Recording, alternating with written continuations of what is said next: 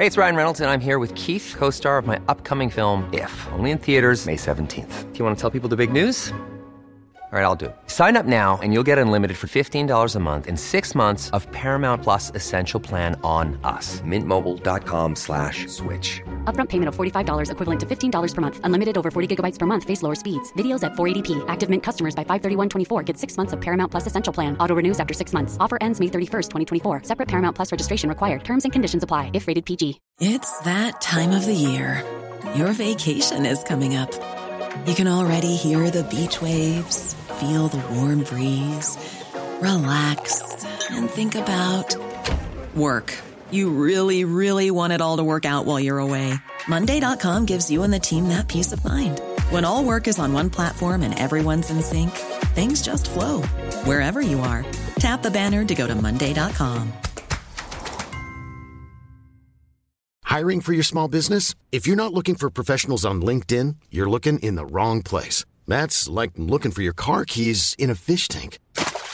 LinkedIn helps you hire professionals you can't find anywhere else, even those who aren't actively searching for a new job but might be open to the perfect role. In a given month, over 70% of LinkedIn users don't even visit other leading job sites. So start looking in the right place. With LinkedIn, you can hire professionals like a professional. Post your free job on linkedin.com slash people today.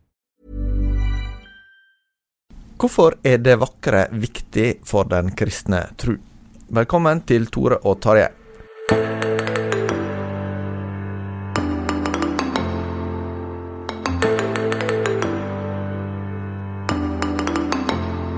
Som den første i vår snart ett år lange historie, Jarle Haugland, er du tilbake som ekstern gjest i Tore og Tarjei.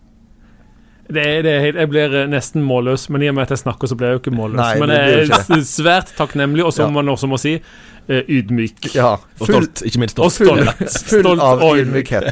Jeg, jeg, tenker at jeg syns det er lettere å stole på folk som sier at de er fulle av stolthet, enn de som sier at de er fulle av Eller Ja, det Ja. det. Men det er veldig gøy å være tilbake. Det er jo kanskje bedre å si. Det, det, det, det, syns jeg er gøy. flott. Ja, men det, det gleder oss også. Eh, Du er jo altså leder i Tro og Medier, det som før hette Familie og Medier, og før hette Kristelig Kris- Kringkastingslag, og før hette Kristelig Lytterlag. Er ikke det? Det er Norges kristelige lytterlag. Det er nærmere 100 år gammel historie, det òg, ikke det? Nei, vi er på 80 eh, altså vi, vi er 1935, og så Ja, får folk regne så der. lenge For 85 år. Det er iallfall eh, kristne i Eller kristne spørsmål, kristne verdier, kristen tro i media som er liksom deres eh, oppdrag eller arbeid. Eh, og så er jo da Tarjei Gille naturligvis med, og jeg er Tore Hjalmar Sævik.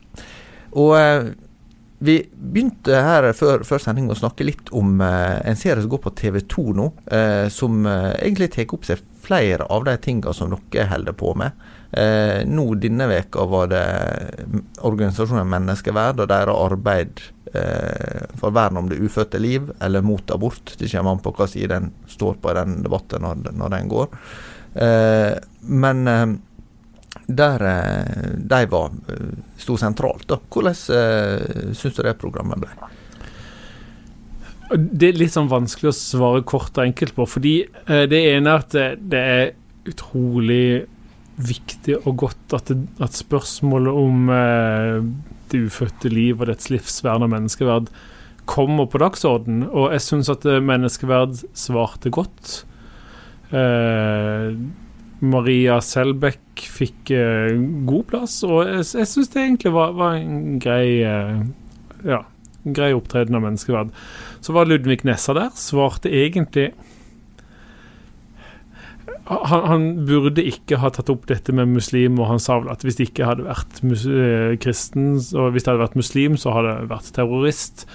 Sier han mens Kadafi sammen intervjuer han, og sier du vet at det er muslim. Så, sånn sett så, så, så løste programlederen det, det veldig godt. Men det som kanskje er tydeligst i dette, i en sånn program, og som jeg tror Jeg tror ikke vi kan forvente noe annet, er jo at grunnhistorien, altså hvem, si, hvem er helt, og hvem er offer, og hvem er skurk osv., som gjerne sånne roller man får tildelt, den er så vidt forskjellig ifra mitt virkelighetssyn, der jeg mener at livet er ukrenkelig fra unnfangelse til naturlig død.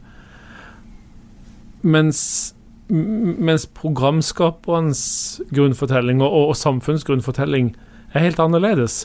Og når de da lager den, så lager de den med en sånn grunntak at vi vil mennesker godt, og vi vil den svake kvinnen godt. Det er kvinnen som er offeret her. Og så har vi en grunnfortelling som sier at ja, kvinnen er den svake, men enda svakere er det ufødte barnet. Eh, og dermed så blir det en slags uløselig konflikt. Eh, og programlederne var forma av, av sitt ståsted. Men, men jeg syns kanskje det var greit at de var tydelige på sitt ståsted, for det, det gjør det lettere å forholde seg til å diskutere etterpå. Ja, enig i det, og jeg syns de var skvære og respektfulle.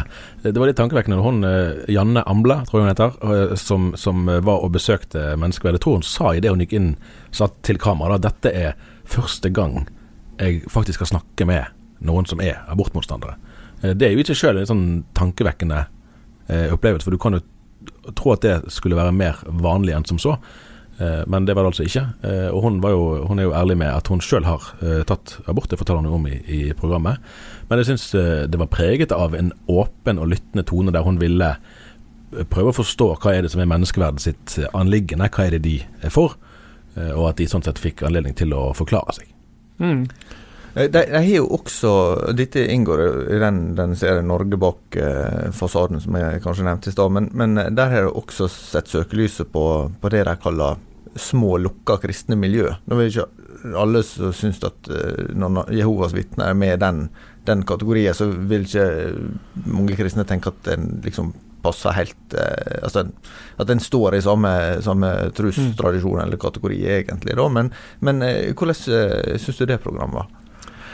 Det, det mener jeg nok var slett journalistikk. Det, det tror jeg må mene der. Fordi det, det framstår iallfall tendensiøst, og der de ønsker å fortelle en historie fra lukka kristne miljøer, så blander de sammen litt forskjellige ting. De begynner med et klipp ifra eh, fra Oslo Symposium, eh, som vel ikke kan sies å være lukka. Nei, det kan det ikke sies å være. Eh, og, og klipper inn et sitat fra han eh, pastor eh, Så helt stille. Frank Søgaard. Frank Søgaard. Ja, Eh, som vel heller ikke kan sies å representere en lukka kristent miljø.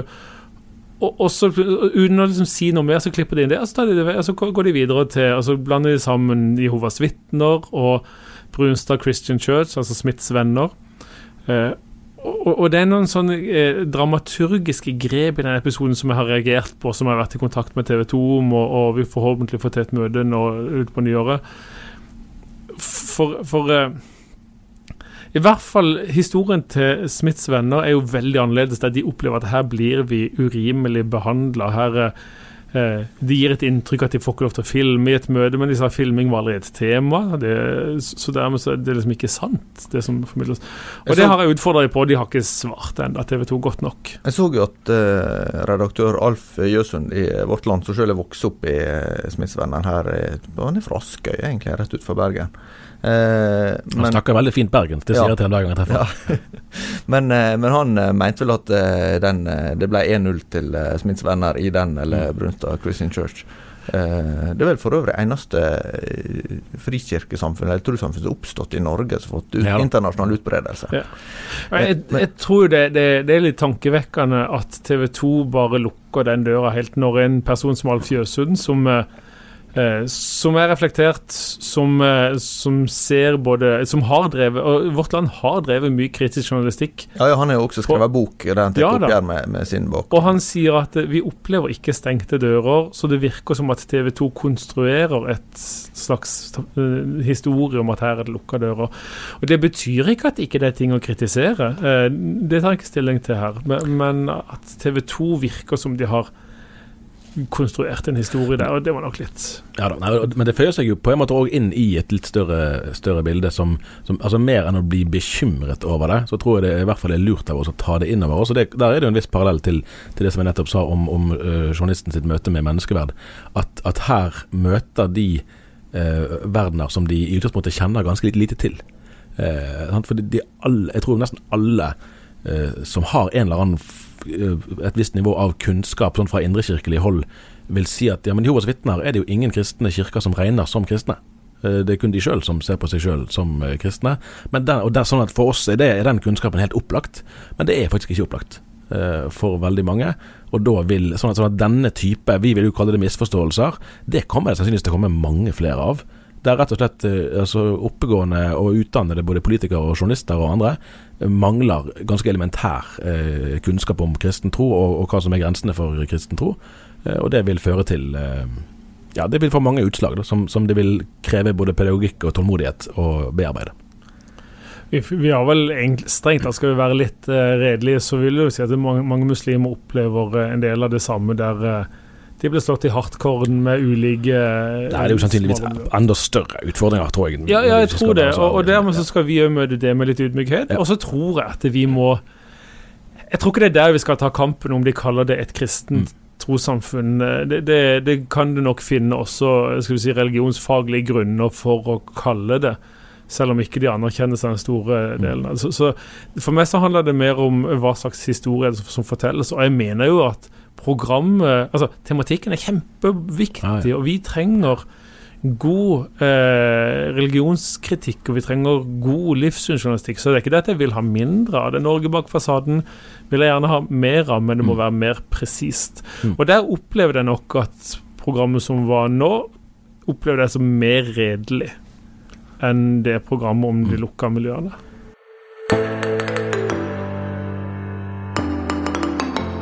Vi har altså besøk av eh, deg, Jarle Haugland fra Tro og Medier. og um, Du har skrevet en kommentar som eh, står på trykk i dagen denne veka om uh, hva du håper på for 2020.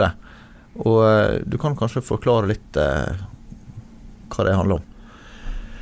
Det handler jo om at det er ønsker, eller skal vi si lengter, hvis en skal bruke et litt sånn sterkere ord, men jeg tror det er litt sant. En, en lengsel etter at, at det vakre i livet med Gud skal komme tydeligere fram i møte med mennesker som lever i, i randsonen eller utenfor den kristne troen. At de skal få opp øynene for gleden, friheten, eh, ja, kjærligheten, livet som fins hos Gud. Det er en sånn det, det, det, skriver litt sånn på bakgrunn av et fjorår som var underlig, tror jeg vil si, sett med kristne øyne. Det var Eh, jeg, jeg, tror jeg har mine ord i behold hvis jeg sier at det skjedde en endring i litt sånn klima for den kristne tro.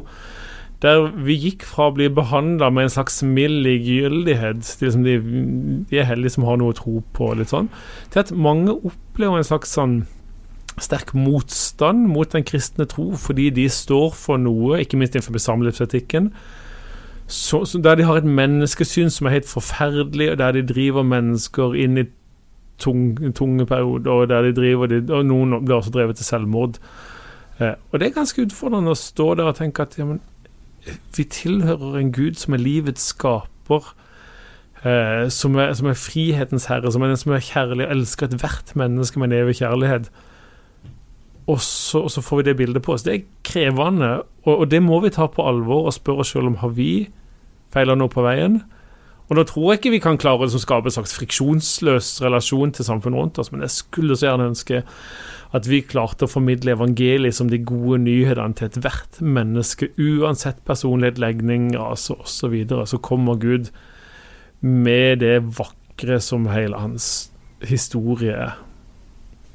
Ja, altså Apostelen Paulus skriver jo om, eh, om eh, at alt det som er ære verdt, sant? gi akt på det. Eh, jeg husker ikke om det heter det fremdeles i den oversettelsen vi bruker nå, eller om det var det jeg lærte da jeg var yngre. Jeg legger vind på det, tror jeg nå. Ja, ok. Ja.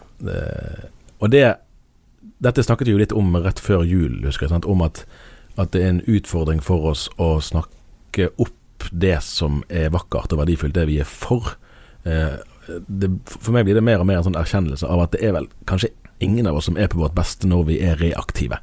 Altså når det er noen andre som har satt premisser, og så skal vi kommentere de. Helt allment, ikke bare et kristelig anliggende. anliggende. Vi, og, og vi bør jo alle måles på ja vel, men hva er ditt alternativ? Hva er det du står for? Hva er det du ønsker? Hva er det du vil ha mer av?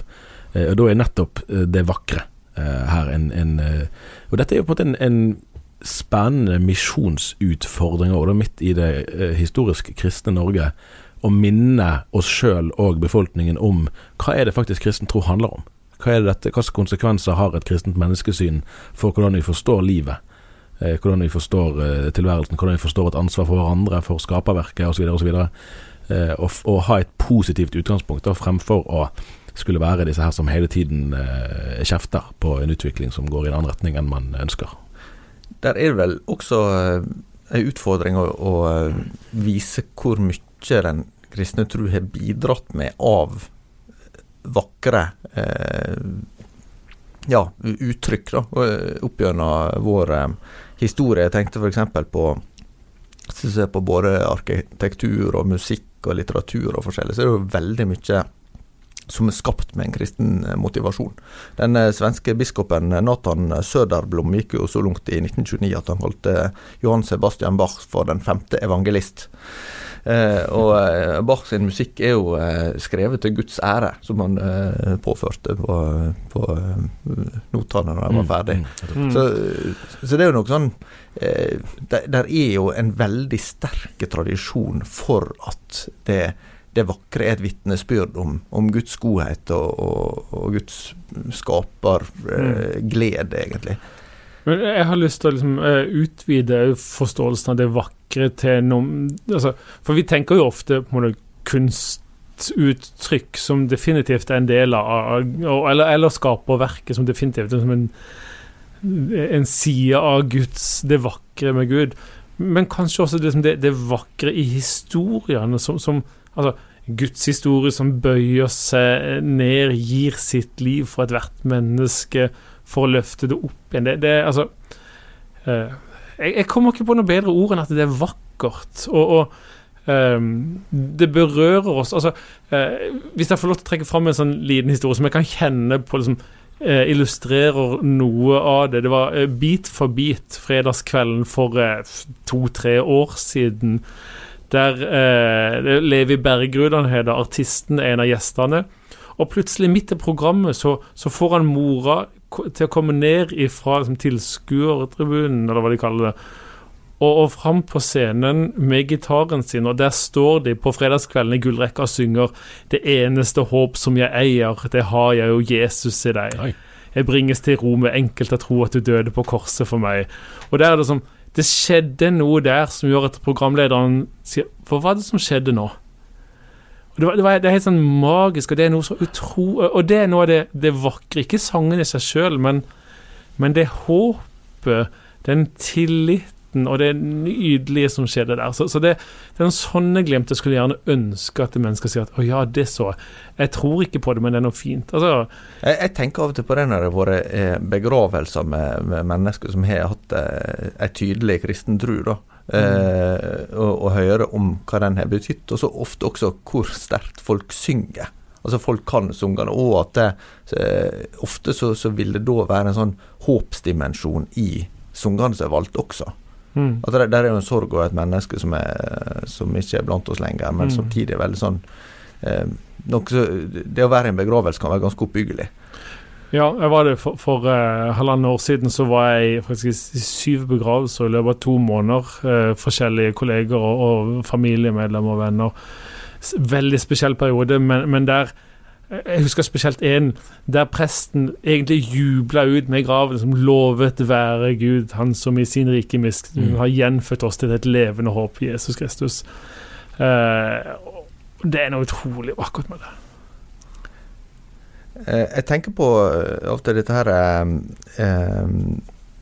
uttrykket fra Bibelen. Jeg skal bare finne ut hvor det står. Men gleden i Herren er vår styrke fra Nehemia, er det visst. Eh, det er jo noe med å ha en, en sånn positiv motivasjon, en overbevisning sjøl om noe som er godt og vakkert. Eh, I møte med at du blir, blir anklaga for å ha en overbevisning som er skadelig eller, eller absurd, eller ja. Jeg skriver i avisen i dag, altså i dag når vi opptaker nå, så er det onsdag, om, eh, om uh, en opplevelse fra All Souls Church i London i november, når vi var der. Og da den, og denne opplevelsen som jeg beskriver, er det mange som har hatt før. Det, da står vi og synger en av, av sangene eller salmene der, og så er en sånn opplevelse av at denne teksten kan nesten bære troen min. Altså her, Denne uttrykker mer presist enn jeg kunne klart sjøl hva faktisk evangeliet er, og hva det er jeg slutter meg til, hva det er jeg tror på og får tilhøre. Eh, og det var et fabelaktig sterkt eh, øyeblikk. Eh, og så er det òg en sånn tankevekkende erfaring i sånne sammenhenger at når vi snakker om det vakre, og f.eks. i, i, i salmetradisjonen, som er så rik på fenomenalt flotte eh, tekster og melodier både til, til høytider, men òg til, til hverdags, at ofte så er jo det vakre veldig nært beslektet med dyp smerte. Sånn at mange av de sterkeste salmene vi har, er skrevet av mennesker som kanskje har hatt døden helt innpå livet. Sånn og at den kontrasten gjør det vakre enda sterkere. Mens jeg klarer ikke å fri meg helt fra en opplevelse av at, av at det er en risiko for at vi i, i, moderne Velferds-Norge egentlig prøver å skyve det smertefulle litt bort òg fra, fra, sangene vi synger. At nå er det kun det skjønne. At den nerven som, som, gjør at det skjønne skinner sterkere, det vakre blir tydeligere, som kommer nødvendigvis av at man òg har møtt noe annet, det vil vi liksom litt, litt, på samme måte som at vi er litt redd for å snakke om døden I vår, i, vår, tid og i vårt samfunn. Eh, men det kommer vi ikke unna, noen av oss. Eh, og den eksistensielle nerven som vi snakker om her, når vi er i begravelser, der er et dødt menneske, det er trist, altså. Men samtidig så er det et evig håp. Eh, det eh, kan vi godt la oss utfordre av. Jeg tror, jeg tror det er på en nøkkel der. Det var Leonard Cohen som synger 'There's a crack in everybody'. That's how everything, the light ja. Everything, ja. ja. That's how the light gets in. Takk. Du er jo en sitatens mester. uh, men, men, men jeg, sier som en foreleser hadde på universitetet, alt jeg sier er sitat, og det er også et sitat. men, men, jeg tror kanskje det er en nøkkel her. Altså, jeg, jeg, når jeg sier at, skal, at skal, folk skal oppleve det vakre, så er det ikke et glansbilde mm, vi mm. ønsker, men, men det, dette sanne, dette det, det fins et lys innimellom disse sprekkene. Det fins en skatteleirkar. Det fins altså Jeg tenkte på det nå i jula. Eh, det går ikke på NRK lenger eh, på julaften, men et, i flere år så gikk det et eh, lite innslag på julaften med tidligere Hongkong-misjonær Annie Skau Berntsen. Hun var jo på Jeg var innom det sykehuset for mange år siden. Jeg var på reportasjetur i Asia, som heter Håpets havn. Og hun var jo på 80-tallet, et av de virkelig store programmene på 80-tallet var 'Dette er ditt liv', ja. eh, med Harald Tusberg som programleder, Arne Skau Berntsen som, som, gjest. Og rørte nok helt spesielt. Eh, også da dette programmet som var innspilt tidlig på 90-tallet, eh, som ble sendt på julaften, så, så forteller hun om hvordan ei ei gammel bestemor ble levert på døra der for i Hongkong, for familien vil ikke ha henne lenger. Eh, og ble syk og slitsomt med å ta seg av, kanskje.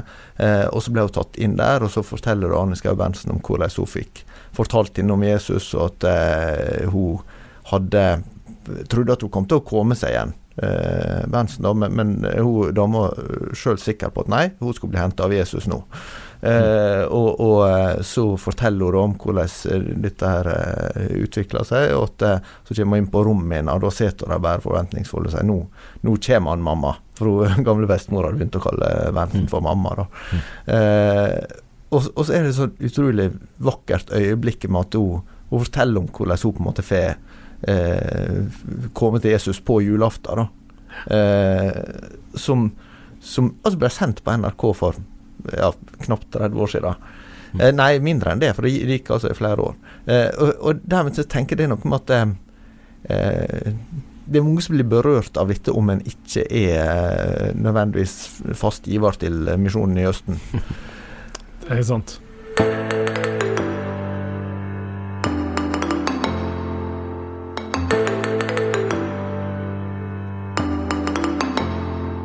Nå, Denne veka så hadde vi et eh, oppslag fra eh, Emblem bedehus eh, om at det er blitt eh, innsett ei kvinne i hyrderådet der. Eh, og her må vi kanskje ha litt begrepsavklaring først. For, for eh, vi kan ikke ta for gitt at folk verken eh, tenker over hva et hyrderåd er for noe, eller at det skal være så spesielt at det sitter ei kvinne der.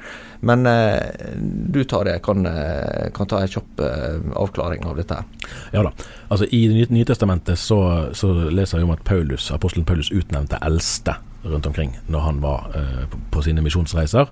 Så det har vært en betegnelse som blitt brukt på, på det åndelige lederskapet eh, i en lokal menighet. Eh, I Den norske kirke har man ikke hatt den betegnelsen. Der har det vært presten, og man har jo fått et menighetsråd og sogneråd og fellesråd og, forskjellige eh, sånne strukturer. Eh, mens i frikirkeligheten i Norge man, bruker man mange steder fremdeles begrepet eldsteråd, og det har òg blitt mer vanlig på bedehuset i nyere tid. Så dette er på en måte det, det, leders, det åndelige lederskapet. Man har gjerne hatt et styre tradisjonelt, som har hatt først og fremst ansvar for for altså bygg og, og, og økonomi, eh, men som òg har fungert i den, i det åndelige lederskapsrollen i den grad det har vært det, med å sette opp talerlister kanskje, eller å regulere eh, arbeidet. Men så har det vært et ønske etter hvert som bedehusene blir mer og mer selvstendige menighetsfellesskap, og ikke har den samme vekselvirkningen med folkekirken som man har hatt tradisjonelt, så har man òg ønsket et tydeligere definert lederskap på bedehuset, og da har det blitt eh, eldsterådsbetegnelsen mange bruker. Eh, men så har man òg i bedehustradisjonen eh, tradisjonelt stått fast på Eh, på, altså på, tradisjonelt syn på kvinneprestspørsmålet, sånn at den hyrderollen eh, har vært forbeholdt menn, eh, og er det egentlig ennå eh, offisielt. Nå har jeg fått litt eh, kritikk fra deg med å trekke for mange historiske referanser tilbake, men jeg skal unne oss én i dag. og det er at det, det, Den første kvinnelige prest i Norge ble jo eh, innsett i 1961. Ingrid Bjerkås. Ja. Mm. og det var veldig kontroversielt. Store protester fra, fra andre biskoper og sånn. Og også organisasjoner som, eh, som eh, Nordmisjonen åpner vel for, eh, mm. for kvinnelig ja samarbeid med kvinnelige prester først tidlig på 2000-tallet. Mm. Eh, Evangelisk-lutherske frikirke gjorde det samme. Pinsebevegelsen har tradisjonelt hatt reservasjoner der, men det er nok litt mer ja, De var jo egentlig radikale i begynnelsen, ja. og så ble de mer konservative, og så er de blitt uh, mer åpne igjen i nyere ja, tid. For det, det, er jo også noe som, som uh, en del vil påpeke at Hans Nilsen Hauge f.eks. var jo åpen for å bruke mm. mm. kvinner i funksjoner som en ikke var vant med uh, på den tida. Så det er jo en, en debatt som er, som er godt, dette her. men for, for mange så blir det eh, et spørsmål om, om bibeltruskap, egentlig. For at mm. er du forplikta på det, det Bibelen har sagt om, eh, om det som, som, handler om forhold mellom eh, kvinne og mann, så, så, så, må du være forplikta på det uavhengig av om, om samtida endrer seg, og om det blir upopulært og, og vanskelig for folk å forstå og godta og sånn. da. Eh, hva tenker du om det?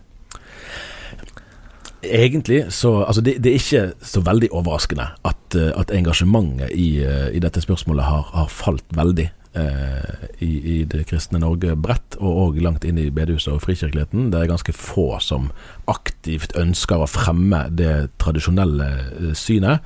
Det er likevel litt overraskende at dette skjer såpass åpent, eh, altså, altså, helt med åpne øyne, mener jeg, på et etablert bedehus i en sammenheng der dette ikke er det, det synet som er, som er, vedtatt, og som er i tråd med det som organisasjonen uh, står for.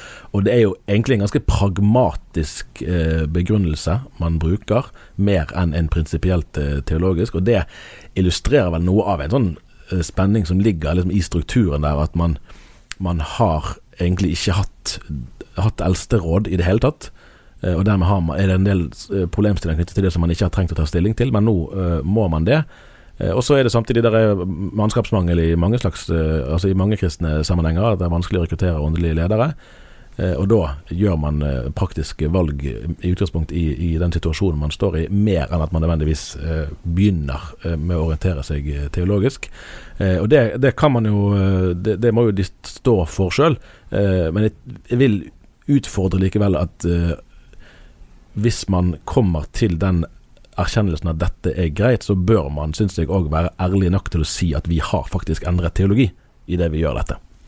Du, tar, nei, du Jarle, representerer jo eller er en organisasjon som, som representerer mange kristne organisasjoner som har forskjellig syn på dette. Da. Eh, mm. Men, men eh, hvordan tenker du om det som måte, sånn eh, ja, sak i vår tid? Ja, jeg tenker nok at jeg tror Tarjei peker på noe viktig. for eh, nå, nå, nå, kjenner jeg den konkrete saken bare fra disse to avissagene eh, i, var vel i går og i dag. Eh, men, men, ut fra det jeg leser der, så virker det ganske pragmatisk.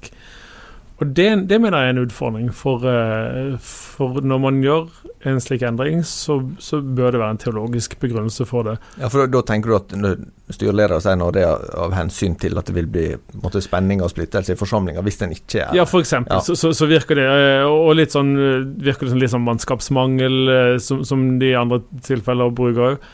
Så tenker jeg vi, vi, vi må kunne stå for noe, om det er det ene eller det andre på bakgrunn av teologi og et viktig arbeid med, med Guds ord og Bibelen.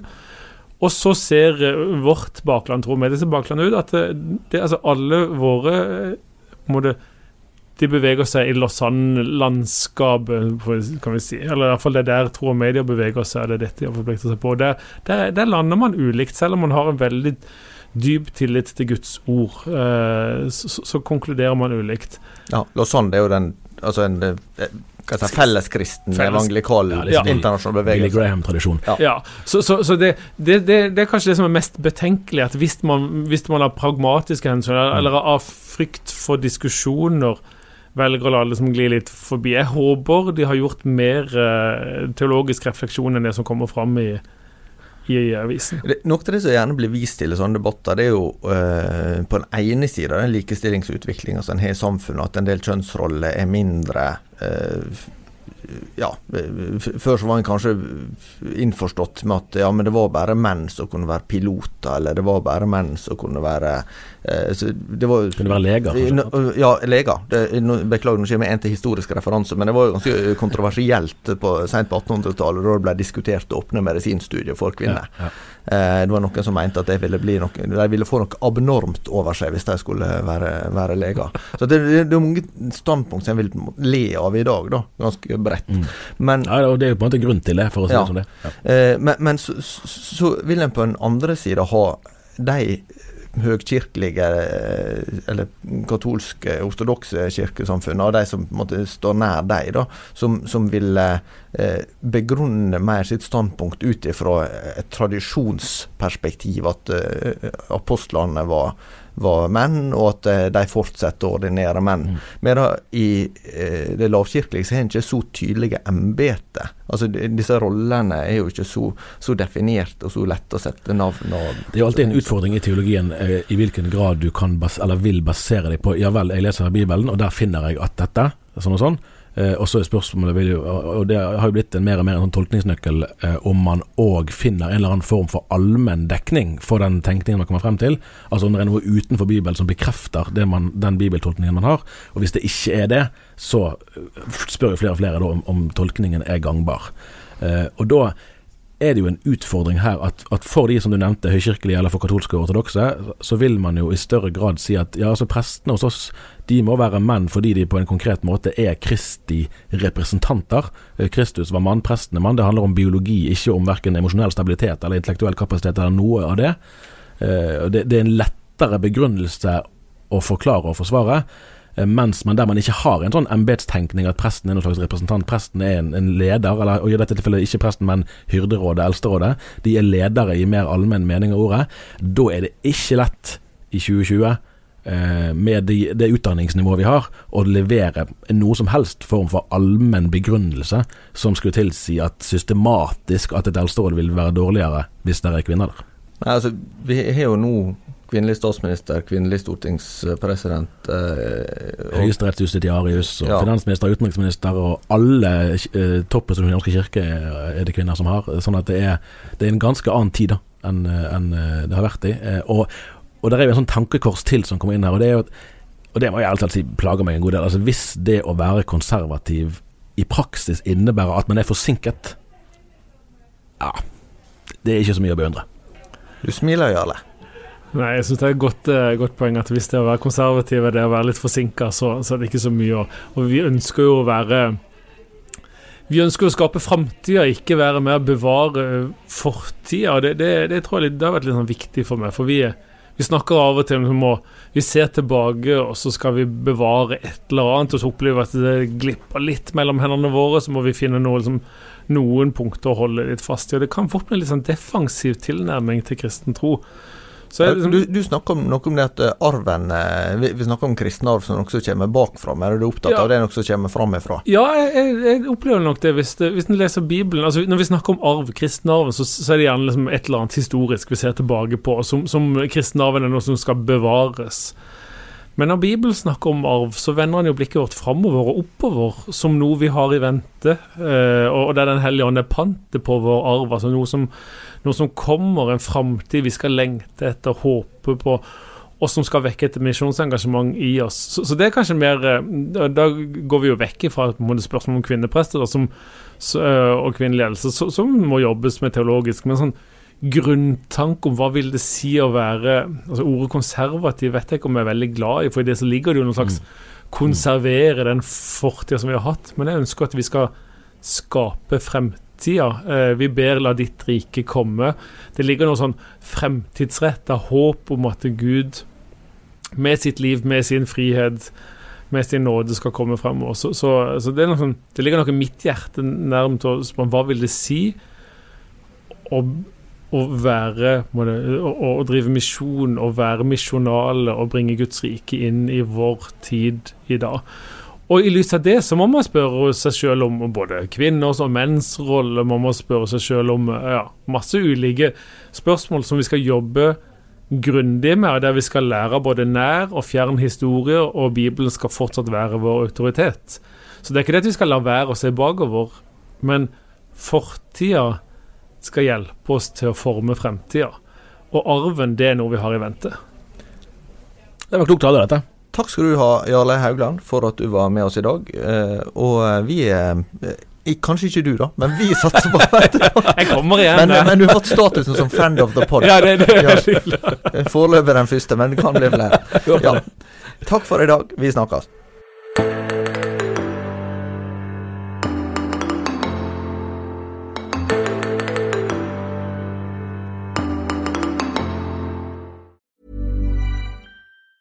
Hi, I'm Daniel, founder of Pretty Litter. Did you know cats tend to hide symptoms of sickness and pain? I learned this the hard way after losing my cat, Gingy. So I created Pretty Litter, a health monitoring litter that helps detect early signs of illness by changing colors, saving you money and potentially your cat's life. Pretty Litter is veterinarian developed, and it's the easiest way to keep tabs on your fur baby's health right at home. Go to prettylitter.com and use code ACAST for 20% off your first order and a free cat toy. Terms and conditions apply. See site for details. Hey, it's Paige DeSorbo from Giggly Squad. High quality fashion without the price tag? Say hello to Quince. I'm snagging high end essentials like cozy cashmere sweaters, sleek leather jackets, fine jewelry, and so much more. With Quince being 50 to 80% less than similar brands.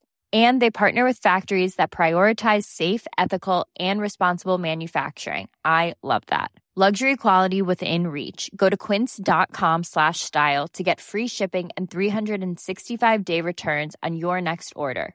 Quince.com slash style. Planning for your next trip? Elevate your travel style with Quince. Quince has all the jet setting essentials you'll want for your next getaway, like European linen, premium luggage options, buttery soft Italian leather bags, and so much more. And is all priced at 50 to 80% less than similar brands. Plus, Quince only works with factories that use safe and ethical manufacturing practices. Pack your bags with high-quality essentials you'll be wearing for vacations to come with Quince. Go to quince.com/pack for free shipping and 365-day returns.